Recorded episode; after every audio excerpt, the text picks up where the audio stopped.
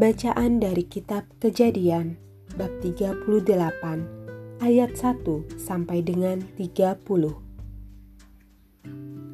Yehuda dan Tamar. Pada waktu itu, Yehuda meninggalkan saudara-saudaranya dan menumpang pada seorang adulam yang namanya Hira. Di situ Yehuda melihat anak perempuan seorang Kanaan Nama orang itu ialah Shua. Lalu Yehuda kawin dengan perempuan itu dan menghampirinya. Perempuan itu mengandung, lalu melahirkan seorang anak laki-laki dan menamai anak itu Er. Sesudah itu, perempuan itu mengandung lagi, lalu melahirkan seorang anak laki-laki dan menamai anak itu Onan. Kemudian perempuan itu melahirkan seorang anak laki-laki sekali lagi dan menamai anak itu Shelah. Yehuda sedang berada di Kezib ketika anak itu dilahirkan. Sesudah itu, Yehuda mengambil bagi Er anak sulungnya, seorang istri yang bernama Tamar. Tetapi Er anak sulung Yehuda itu adalah jahat di mata Tuhan, maka Tuhan membunuh dia. Lalu berkatalah Yehuda kepada Onan, Hampirilah istri kakakmu itu, kawinlah dengan dia sebagai ganti kakakmu, dan bangkitkanlah keturunan bagi kakakmu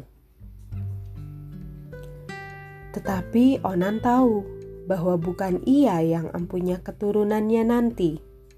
Sebab itu, setiap kali ia menghampiri istri kakaknya itu, ia membiarkan maninya terbuang, supaya ia jangan memberi keturunan kepada kakaknya. Tetapi yang dilakukannya itu adalah jahat di mata Tuhan, maka Tuhan membunuh dia juga. Lalu berkatalah Yehuda kepada Tamar menantunya itu, Tinggallah sebagai janda di rumah ayahmu sampai anakku Sheila itu besar. Sebab pikirnya, jangan-jangan ia mati seperti kedua kakaknya itu. Maka pergilah Tamar dan tinggal di rumah ayahnya. Setelah beberapa lama, matilah anak Shua, istri Yehuda. Habis berkabung, pergilah Yehuda ke Timna kepada orang-orang yang menggunting bulu domba-dombanya bersama dengan Hira sahabatnya, orang Adulam itu. Ketika dikabarkan kepada Tamar, Bapak mertuamu sedang di jalan ke Timna untuk menggunting bulu domba-dombanya. Maka ditanggalkannya pakaian kejandaannya. Ia bertelekung dan berselubung, lalu pergi duduk di pintu masuk ke Enaim yang di jalan ke Timna. Karena dilihatnya bahwa Sheila telah menjadi besar, dan dia tidak diberikan juga kepada Sheila itu untuk menjadi istrinya. Ketika Yehuda melihat dia, disangkanyalah dia seorang perempuan sundal, karena ia menutupi mukanya. Lalu berpaling, lalu berpalinglah Yehuda mendapatkan perempuan yang di pinggir jalan itu, serta berkata, "Marilah, aku mau menghampiri engkau." Sebab ia tidak tahu bahwa perempuan itu menantunya. Tanya perempuan itu, "Apakah yang akan kau berikan kepadaku jika engkau menghampiri aku?" Jawabnya, "Aku akan mengirimkan kepadamu seekor anak kambing dari kambing dombaku." Kata perempuan itu, "Asal engkau memberikan tanggungannya, sampai engkau mengirimkannya kepadaku. Tanyanya, apakah tanggungan yang harus kuberikan kepadamu? Jawab perempuan itu, cap meteraimu serta kalungmu dan tongkat yang ada di tanganmu itu. Lalu diberikannya semuanya itu kepadanya. Maka ia menghampirinya.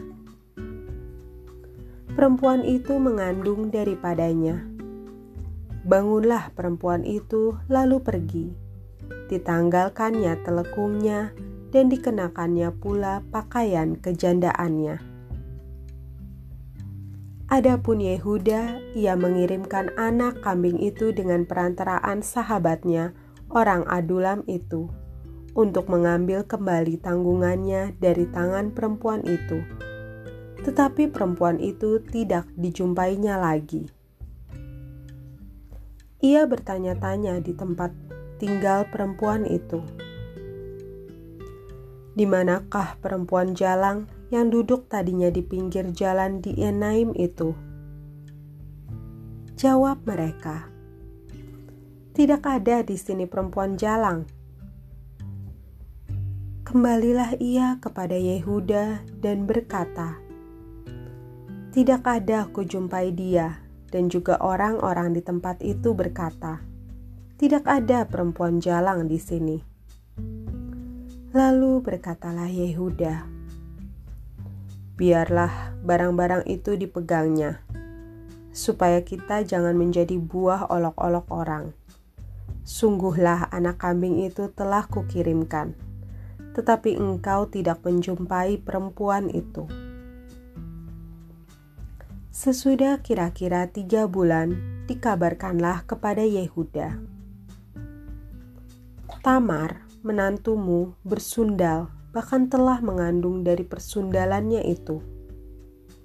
Lalu kata Yehuda, Bawalah perempuan itu supaya dibakar. Waktu dibawa, perempuan itu menyuruh orang kepada mertuanya mengatakan, dari laki-laki yang empunya barang-barang inilah aku mengandung. Juga dikatakannya, periksalah siapa yang empunya cap materai serta kalung dan tongkat ini. Yehuda memeriksa barang-barang itu lalu berkata, Bukan aku, tetapi perempuan itulah yang benar karena memang aku tidak memberikan dia kepada Sheila anakku. Dan ia tidak bersetubuh lagi dengan perempuan itu. Pada waktu perempuan itu hendak bersalin, nyatalah ada anak kembar dalam kandungannya. Dan ketika ia bersalin, seorang dari anak itu mengeluarkan tangannya, lalu dipegang oleh bidan diikatnya dengan benang kirmizi serta berkata, Inilah yang lebih dahulu keluar. Ketika anak itu menarik tangannya kembali, keluarlah saudaranya laki-laki, dan bidan itu berkata, Alangkah kuatnya engkau menembus keluar. Maka anak itu dinamai Paras. Sesudah itu, keluarlah saudaranya laki-laki yang tangannya telah berikat benang kirmizi itu. Lalu kepadanya diberi nama Zerah. Demikianlah sabda Tuhan. Syukur kepada Allah.